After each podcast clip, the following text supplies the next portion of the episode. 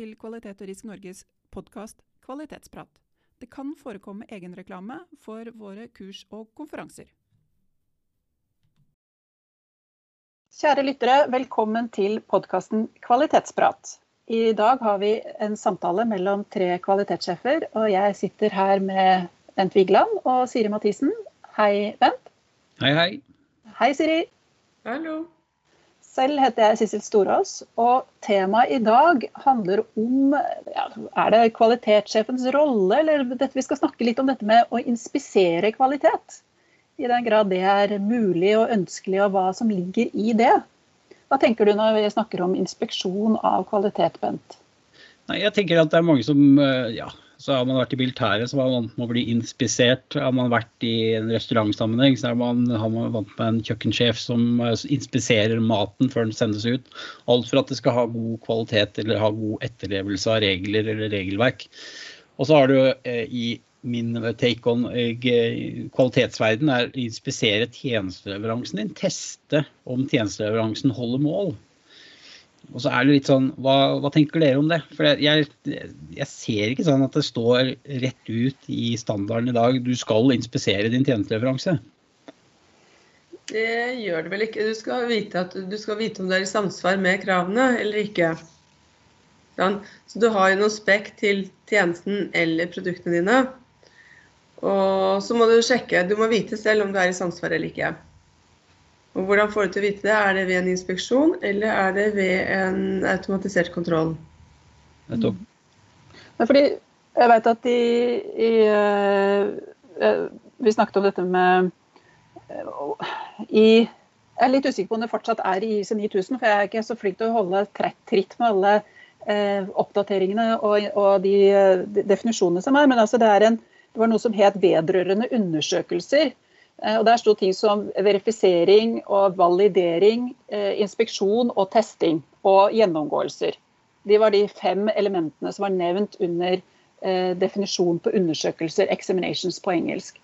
Så der kom dette med inspections opp. og skulle, i, et prosjekt hadde vi en inspection and test plan for å kunne inspisere og teste alle inngående leveranser, som du sier, Bent. Mm. Så det er, jo, det er, jo, ikke uvanlig at dette er en del av kvalitetsplanen, kvalitetsfaget, oppgaven til en kvalitetssjef å sørge for at vi har gode inspeksjonsplaner og vet hvilke elementer er det vi faktisk skal inspisere. Og hvem, hvem, hvem er best til å gjøre det, da? Er det de som leverer tjenesten, eller er det de som er på sida av tjenesteleveransen? Eller er det kvalitets, eh, en egen kvalitetsinspeksjonsgruppe som, som har liksom eh, spesifikt satt opp til å gjøre den type undersøkelser? Ja. Man prøver jo gjerne å ha noen som er litt uavhengige av selve produksjonen, til å gjøre en del sånn kvalitetssikrings- eller kvalitetskontroller. Da. Så det er jo noe med hvor kritisk er det? Jeg vil si at Ut fra et risikobilde så må du vurdere er dette såpass kritisk at det bør testes av noe uavhengig. For dette er lett å underslå altså feil. Mm. Eh, eller er det sånn som er på en måte altså Hvis du tester det med noen altså elektroniske digitale løsninger, det er noen dimensjoner eller størrelser, eller det er et ja, nei, altså virker, virker ikke altså Du får noen sånn klare svar, så trenger du kanskje ikke ha noe mer enn det. Så, og hvis du skal ha altså sånn, Kanskje det er såpass alvorlig å ha noen utenfor linja, utenfor produksjonslinja, utenfor de som gjør tjenesten, som går og gjør en, en sjekk av og til bare for å ha, en, ha et overblikk. da. Og så er det om å gjøre det uten at det skal være en sånn altfor negativ overvåking, da. ja, ikke sant. Det er litt som vi har snakket om i en tidligere episode, dette med å legge grunnlaget for hvorfor man gjør det. Ja. Eh, og alle som har vært i Forsvaret, vet jo at da han er vant med å bli inspisert. Eh, og, og jeg, jeg, tenker at det er litt interessant det du sier da med at eh, noen utenfor linja, men det viktige der er vel at de utenfor linja er såpass kompetente til å mene om hva som skal være innenfor linja, for å bruke et sånt eh, enkelt uttrykk. Du må jo helst kanskje ha vært der sjøl, eller ha kompetanse i hvert fall, til, til å forstå hva, hva, du skal kartlegge og hva du skal se etter. Det er, klart. det er noe som heter tre tre lines of defense, eller tre forsvarslinjer som vi gjerne bygger opp på et system for å være trygg på at systemet leverer sånn som det skal. Dette er jo på en måte en del av kvalitetssystemet. altså Vi har eh, de daglige produksjonen vår, det som vi gjør hver dag for rutinene våre. Og så har vi det som vi gjør for å sikre at eh, det vi gjør er riktig. Eh, og der kommer Inspeksjon er en del av det. Det er jo mange andre elementer inni den kvalitetssikringen også. Noe der kan vi jo bygge inn i systemet. ikke sant? Vi sier at her skal det gjøres en automatisert eh, Du kan bruke en sensor eller en eh, vekt eller en temperaturmåler eller en eller annen form for målestokk som måler produksjonsenheten idet den passerer det punktet i prosessen. Og det, jo, det kan gjøre maskinelt, eller det kan gjøres automatisk, eller det kan være en eller annen teller eller et eller annet som ringer en bjelle hvis det ikke er sånn som det skal. Da. Det er det de gjør i de store fabrikkene. er jo nettopp denne type eh, automatiske kontroller. Eh, så Det er det vi bygger inn i systemet. Det er liksom første, det første forsvarslinjen. Og så kommer det hvor vi er nødt til å trekke inn en eller annen menneskelig sensor inn i dette. Det er en person som må inn og kikke.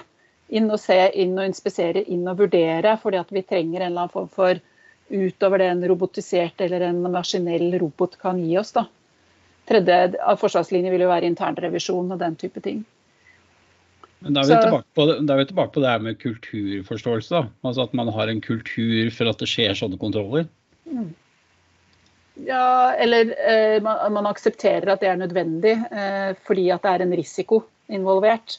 Jeg tror det handler veldig mye om sensemaking dette her også. Hvis folk skjønner hvorfor det er nødvendig med en inspeksjon av skapet i eh, militærleiren, mm så er det kanskje mindre motstand mot at den inspeksjonen foretas, enn når eh, eh altså, Hvorfor i all verden trenger vi disse eh, hva heter det for tellekantene? At, at, ting ligger akkurat nøyaktig der det skal ligge. Hvorfor er det nødvendig i et militært skap på ei kaserne?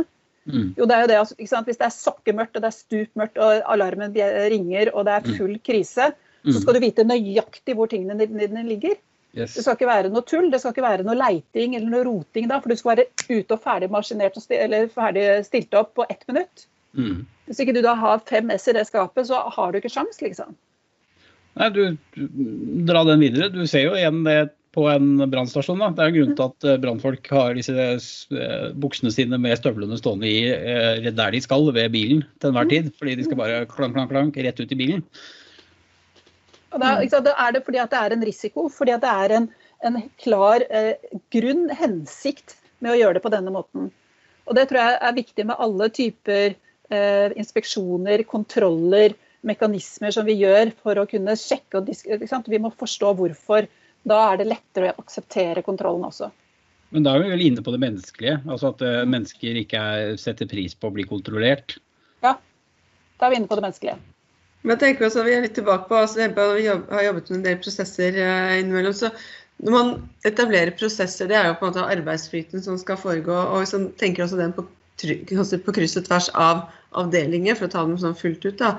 Men det er noe med at noen skal overvåke disse prosessene for å se om de går bra. Eh, altså, det er delprodukter, kanskje. da. Det at alle delproduktene går, de blir produsert som de skal. Det er lagt inn naturlige kontroller der som gjør at den som har ansvar for prosessen, kan følge med om den skal forbedres eller ikke forbedres.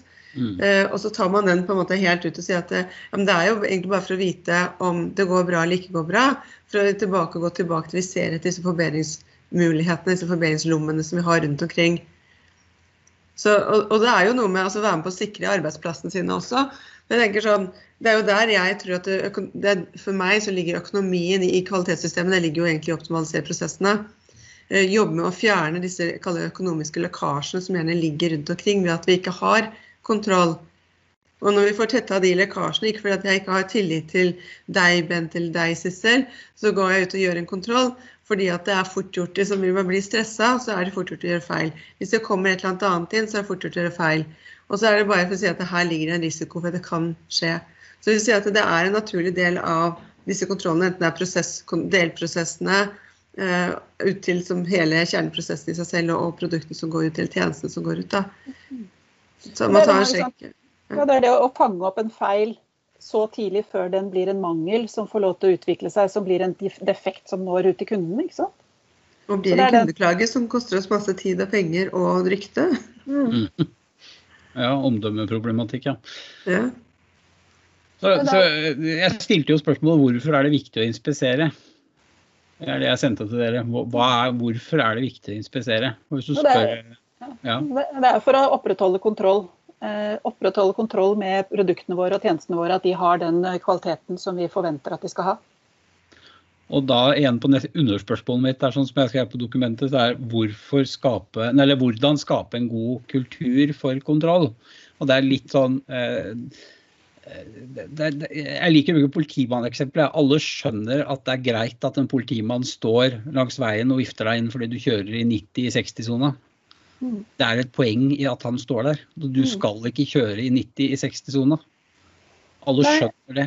det. Men det er ikke alle som skjønner det at en politimannen, for å dra det litt videre, i form av en kvalitetsleder, gjør en kontroll av leveransen i eh, en bedrift eller en eh, prosess. da. Og Der handler det kanskje om kommunikasjon, Bent, for dette eh, er noe med å kommunisere hensikten med kontrollen.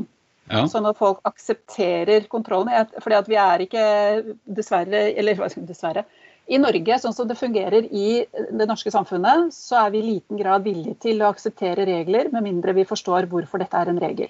Så Hvis vi tenker at jeg kan ikke fatte og begripe hvorfor i all verden jeg skal kjøre 60 her, for den veien er jo helt fantastisk. Det er jo null problem å kjøre 90. Mange som tenker sånn.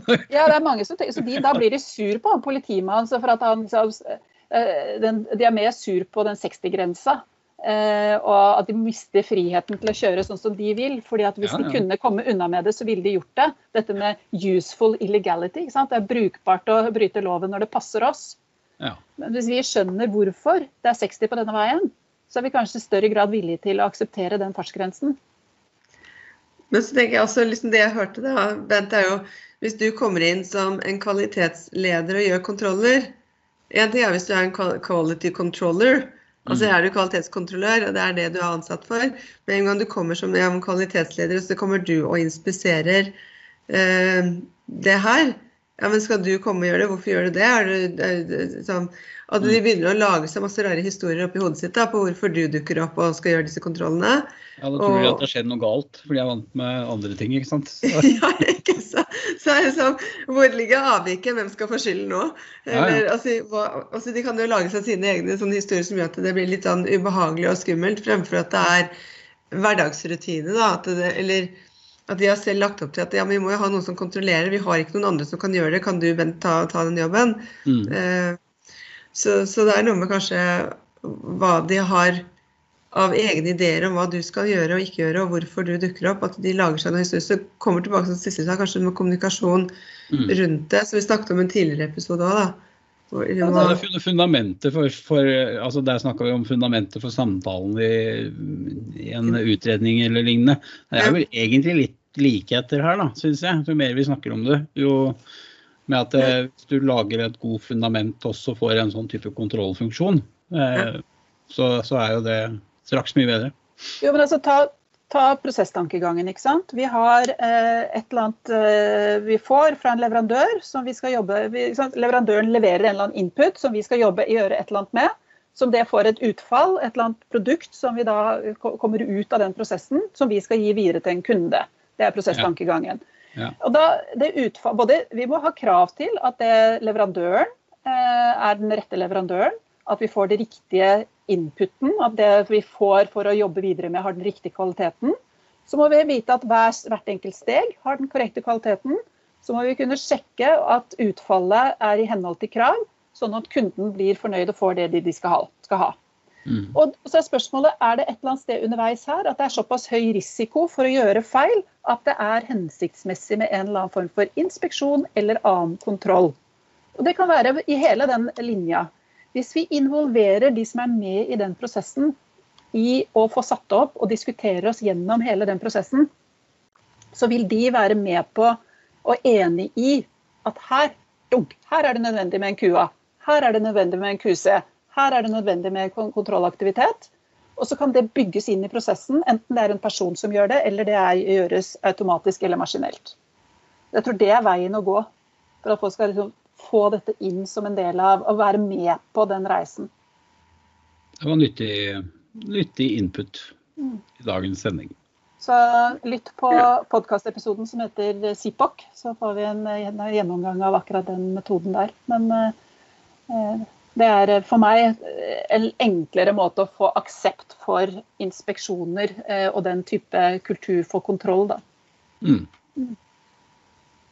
Yes. Ja, men da har vi diskutert det òg, da. Ja. ja. Skal vi legge ballen død, som han sier, Jon Almas? vi kan i hvert fall avslutte, om ikke annet. Ja, men da gjør vi det. Da sier vi takk for i dag, dere. Takk skal du ha. Ha det, bra. Ha det bra. Programledere for denne podkasten var Siri Mathisen og Sissel Storås. Eh, ansvarlig produsent er Torolf Paulshus. Produsent er Bent Vigeland. Administrativt Anlegg Åstad. Musikk Karsten Boe. Studio har vært i KRN sine lokaler i Sandvika, og vi har fått teknisk bistand fra Jakob Storås hos S Media ungdomsbedrift.